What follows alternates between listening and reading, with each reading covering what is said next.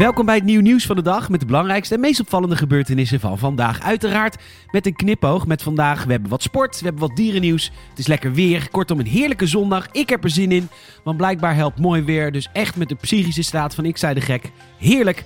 Mijn naam is dan ook nog steeds Peter Bouwman. En dit is dan ook nog steeds het nieuw nieuws van de dag. Zondag 21 februari. Leuk.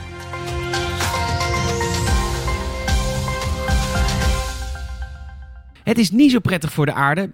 Maar het is wel spectaculair voor mensen, de extreme weersomstandigheden van de laatste tijd. Van extreme kou tot warmterecords in februari.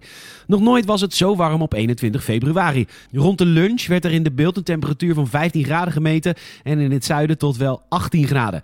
Dat is warmer dan het eerdere record 1949 van 14,8, al dus weer Plaza. De plotselinge omslag van Siberië naar Sardinië komt door de gedraaide wind. In het eh, winterweekend kwam er koude lucht uit Rusland, maar dit weekend worden we overspoeld met warmere sferen uit Spanje en Afrika. De komende dagen blijft het mooi, tenminste tot aanstaande woensdag. De stranden van Noordwijk en Scheveningen zijn volgelopen vandaag en enkele Nederlanders hebben blijkbaar een zonnesteek opgelopen, want er is zelfs gezwommen. De heftig teleurgestelde 21 februari van 1949 was niet bereikbaar voor commentaar. Het is tijd voor het nieuw nieuwsgetal van de dag. Je krijgt nu een getal aan het einde van de podcast de context. Het nieuw nieuwsgetal van de dag is 1 miljoen.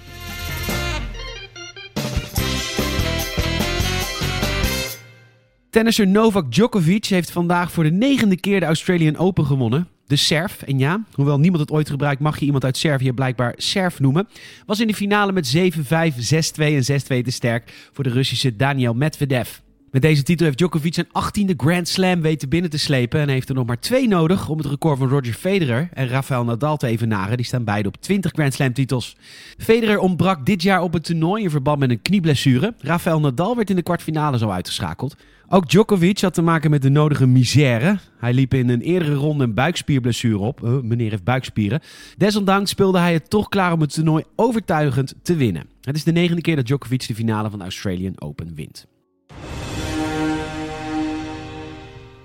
Omdat we soms de natuur een handje moeten helpen, heeft Rijkswaterstaat in Amstelveen een heuse vleermuizensnelweg aangelegd. Dat meldt NH Nieuws. Om te zorgen dat de beestjes de weg kunnen vinden van de kolonie naar een jachtgebied, is een houten stellage neergezet. Tussen de houten palen zijn groene netten gespannen. Voorheen stonden er bomen op de plek van de kerstverse vleermuizensnelweg. Deze werden gekapt in verband met de verbreding van de A9. Deze bomen zouden volgens ecoloog Erik van Lange voorheen door de vliegende vlegels zijn gebruikt als routebepaling. Vleermuizen stoten namelijk geluiden af die worden weer door een object. Hiermee kunnen ze hun locatie vaststellen. Door het verdwijnen van de bomen zijn ze nu ineens hun aanknopingspunt kwijt. En dat heeft mogelijk gevolgd dat ze lager gaan vliegen. En dat is gevaarlijk, dat stelt Van Lange. Laag vliegen boven een drukke A9 is voor vleermuizen onverstandig. De vleermuizensnelweg zal de komende jaren blijven bestaan naar verwachting tot ergens in 2026. Want dan worden er weer bomen geplant. Veel Britten zijn nu echt klaar met prins Harry en zijn liefje Meghan. Na een recente beslissing om definitief te breken met het Britse Koningshuis, hoeven veel mensen het stel niet meer te zien. Althans, de helft van de Britten. Dat blijkt uit een poll van The Sun. Ja, je zou maar zelf mogen beslissen wat je wil meer leven. Walgelijk. Er staat een interview gepland met het duo, geleid door Oprah Winfrey. Op 7 maart wordt het uitgezonden op de zender CBS. Maar Her en Meg hoeven niet te rekenen op veel overzeese kijkers. Veel Britten vinden het interview namelijk een afknapper. En zeggen dat ze het niet eens zijn met de beslissing van het stel. Ugh, eigen wil. Bah. Een klein deel, 27%, is wel benieuwd naar het interview. Eerst zal Meghan alleen met Oprah in gesprek gaan. Ze praten dan over haar leven als royal, haar werk voor goede doelen, media-aandacht. En last but not least, haar huwelijk, moederschap en zoontje Archie. Ja, mij interesseert het ook allemaal niet. Maar ik ben wel blij dat ze zelf hun vrije keuzes hebben kunnen maken. De jonge organisatie van AFD, zeg maar de Duitse evenknie van Freek Janssens boreale borrelclub Jongerenforum voor Democratie, waarschuwt hun Arische aanhangers voor de gevaren van masturbatie. Althans, dat doet de afdelingvoorzitter van Bavarië, Thomas Deutscher. Mooie naam voor een Deutscher.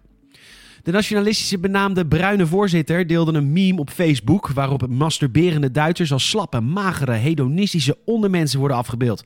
De geheelonthouders waren te zien als gezonde, stoere Ariërs. Het handen boven de lakens houden zou mannen behoeden van het verliezen van hun mannelijke kracht. Ook zou het leiden tot verloren creatieve energie en essentiële voedingsstoffen. Ja, het zou wat zijn als je daar ook nog aan mee moet stoppen. Dan worden die lontjes nog korter. Want ja,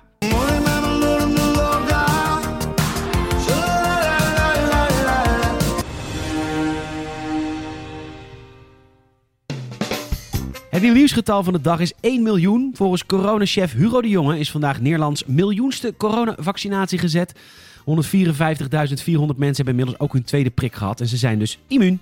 Wat het ministerie betreft ligt Nederland nu op het pijl met het Europese gemiddelde. Qua tempo heeft het gelijk. Nederland zet elke dag relatief meer prikken dan Duitsland, België en de EU. Alleen vanwege het gepruts. Nou, het is een goede dag. Alleen vanwege het moeizame begin.